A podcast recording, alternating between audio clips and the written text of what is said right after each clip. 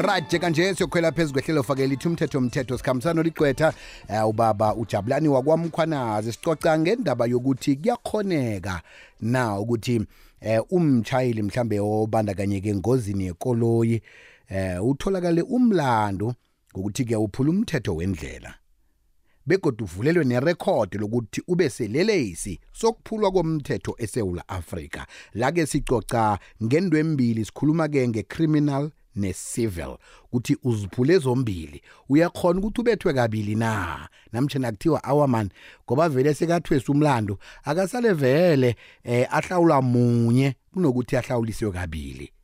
Yayibona befana leyo. Khona ke ujabulani wakwamkhwanazi.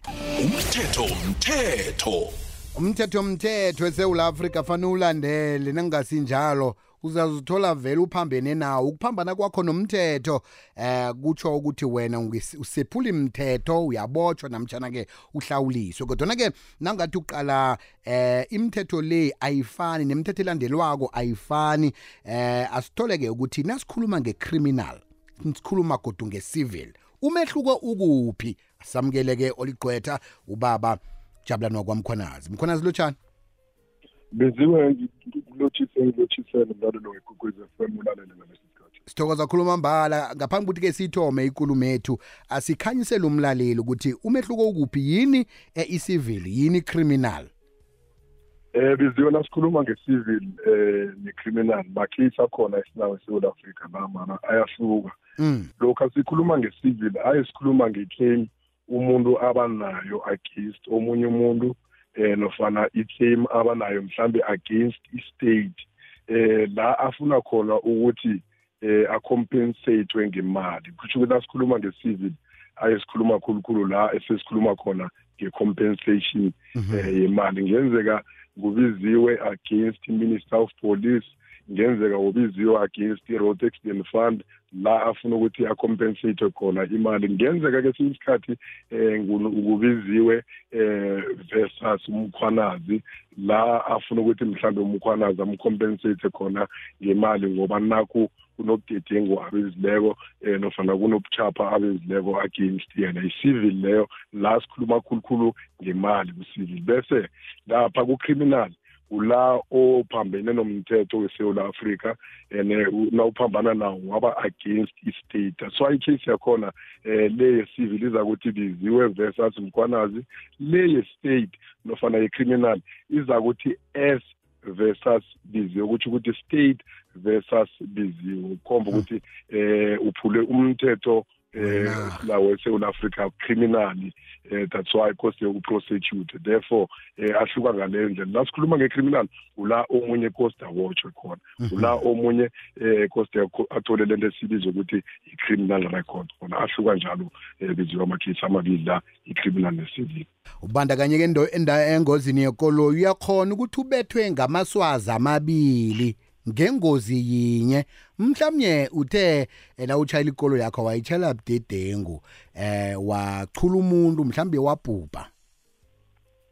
Eh ubuye godi ubethelwe ukuthi uphula umthetho weSouth Africa begodi uyakhona na ukuthi eh ujeziswele into embili civil necriminal le lezo sele uzihladlulile iye kuyakhonakala biziwe lokho asowuphule umthetho nakho uyibeka kuhle na ukuthi umuntu eh uchayise umuntu ngekoloyi kenzeka uyabhubha. I-case leyo and case leyo kula okubanjwa khona ngalento esiyibiza ukuthi i-reckless and negligent. Driving ukuthi ukuthi drive ebudedengu ngenzeka bowudlula ispeed ucrosse irobot elibovu engakafanele ukuthi ulicrosse ngaleso sikhathi. Wachayisana nekoloyi eh kwaba nabantu ababhubhako ngaphakathi nofana wachayisa i-pedestrian ebelicrossa irobot limvulele. Li-green ukuthi ukuthi sakuzaba i-criminal case uzakungena ngaphakathi ejele ngenzeka mhlambe uthole le isigcebe esisibiza ukuthi i-culpable homicide nofana uthole i-murder ezakunikela iminyaka ekufaneleyo ukuthi ungene ngaphakathi. Um ngale kwalokho eh lo ojayise ikolo yakhe biziwe kuyakhonakala ukuthi angenza i-civil claim against wena for ukuthi ulungise ikolo yakhe eh kuyenzeka eh i-insurance le eh anayo mhlambe imbhadelile nofana imlungisele ikoloyi. Mara insurance after imlungisele ikoloyi izokufuna ukuthatha amalungelo la eh lo ochayisiweko anawo bese awathathe u-insurance kube nguye oclaima against wena lento esibiza ukuthi subrogation therefore uyakhona ukubona ukuthi eh i-civil le iyakhona ukuba khona nanoma kune-criminal eh case ekhona against wena lokha eh wenze ubuchapha mhlambe wachayisa umuntu eh kwabhubha nofana walimala. Mara-ke kaningi nangabe umuntu ulimele eh ku-accident awukhoni ukumsuwa lo okuchayisileko eh direct esidriver eyenze eh ubugedengu uyakuchayisa usuwa i-road accident fund ukuthi ukuthi lo okuchayisileko simbiza ukuthi i-insured driver. Uba i-insured driver njani? Ngoba naku uthela ipetrol kune-percentage ethileko abazayithatha kwelinye nelinye ilitha um epetroleni ayithelako. Kuba ngiye eyalapha esikhwameni se-road accident fund that's why awumsuwi direct lo wekoloyi um lokhu akuchayise ngekoloyi i mean ngekoloyi um khulukhulu la ufuna khona i-compensation usuwa i-road accident fund uthi uyisuwa njalo kanti nangale um kelinye ihlangothi naku une-criminal case um njeke ngengiziphi nje izinto efanele siziyelele njengabatshayeli njengombana kuyinyanga yenithuthi nje mkhonazi zineke izinto esingazaziko efanele sizazi ezikhambe zithinta umthetho. Mhlawumbe-ke ngengiziphi ongasiyelelisa ngazo esikhulukhulu ngesihloko sanamhlanje biziwe engingakuyelelisa um ngakho ukubana um umuntu akakathi um ngimchayisile um i-road accident fund iza kubona iplan ukuthi imcompensate njani. Nasiletha isihloko esinamhlanje sinakho siyasihlukanisa ngosithi kune-civil ne-criminal and kuyenzeka ube liable for eh i-civil claim eh nofana ube liable for i-criminal eh, claim. Akhambisane akhambe ngoyi-two eh ama-case la. Umuntu ngasoke isikhathi akolandele umthetho eh wenzele. Khulukhulu biziwe ingozi ezenzekayo zenziwa ukuthi abantu eh abalandeli i-speed limit esikhona esibekwe endleleni abantu ba-overtake la ekungasi-necessary likhona zithola ku-involve inkoloyi eziyi-three eh ukuya ko-five kule accident i-speed limit noku-overtake eh ngendlela kungiyo nangendlela ekhambisana nomthetho eh kuyini ongasoke isikhathi since kuyinyanga eh yenthuthi kumele bayi-obeye. Hmm. Mkhwanazi-ke eh nawubetshwako asithi ubetshwa njengombani usitsho nje ubetshwa ngamaswazi amabili ngengozi yinye. Eh amalungelo wakho aphike lapho ngombana eh nawe ngitsho usakhamuzi eSouth Africa uyayithenga nawe ipetrol njengabaningi eh nguwotholakala umlando. Kwathiwa uyokubotshwa kodwana nangu umuntu ufuna ukubhadela naye uchayisa ikolo yakho ufuna ukubhadela ngani ngibotshiwe bayaqala leyo eh yaqalwa eh biziwe leyo. Angithi civil claim uzayenza eh athi ayenza ngaleso sikhathi akusuwa.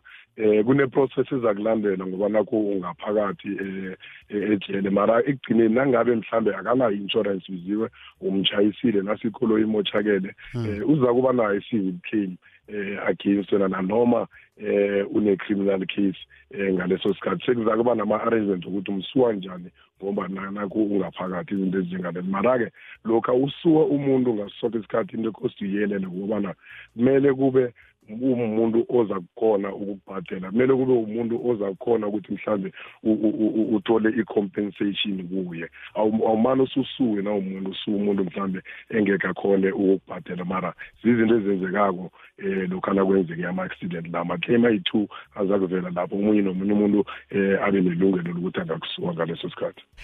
Mkhwanazi siyathokoza ngelwazi osiphathela lona. Siyakuba ukuthi-ke ngokuhamba kwenyanga godu khe sibuye khe siyokucoca ngendaba eh, yabantu abadosa eh, inkarana ejohannesburg apha nepitori ukuthi nakwenzeka ukuthi abandakanyeke engozini laba bathatha bakhwezwa imigodla namabhoksi nani nani badosa endleleni.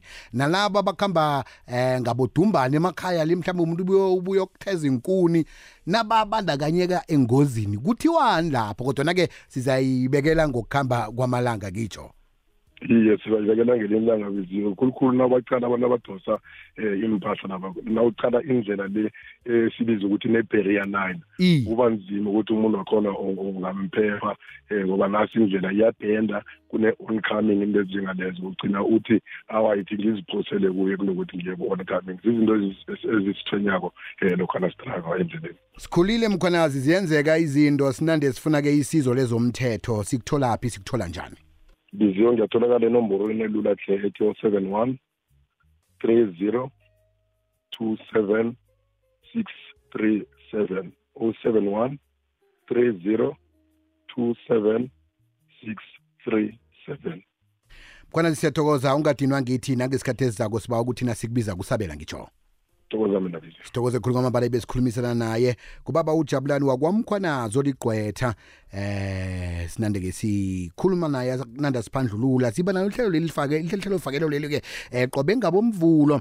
Eh ngalesi sikhathi bekubethe u20 past. Futhi ke ngo10 past bekubethe u20 past 2 kwazi ukuthi ufunde wazi ngomthetho. Nento ezenzekako sinande sizibona eh, ongazi ukuthi zinande zithinda umthetho. Ngoba ngelinye ilanga uza kurare kungaphakathi kuthi njani? Uthole kunguwe. Uthi kosa mina ngilunge kangaka. Kanti awa umthetho uthi nabalungileko. Bayabizwa ngaphakathi. Umthetho umthetho.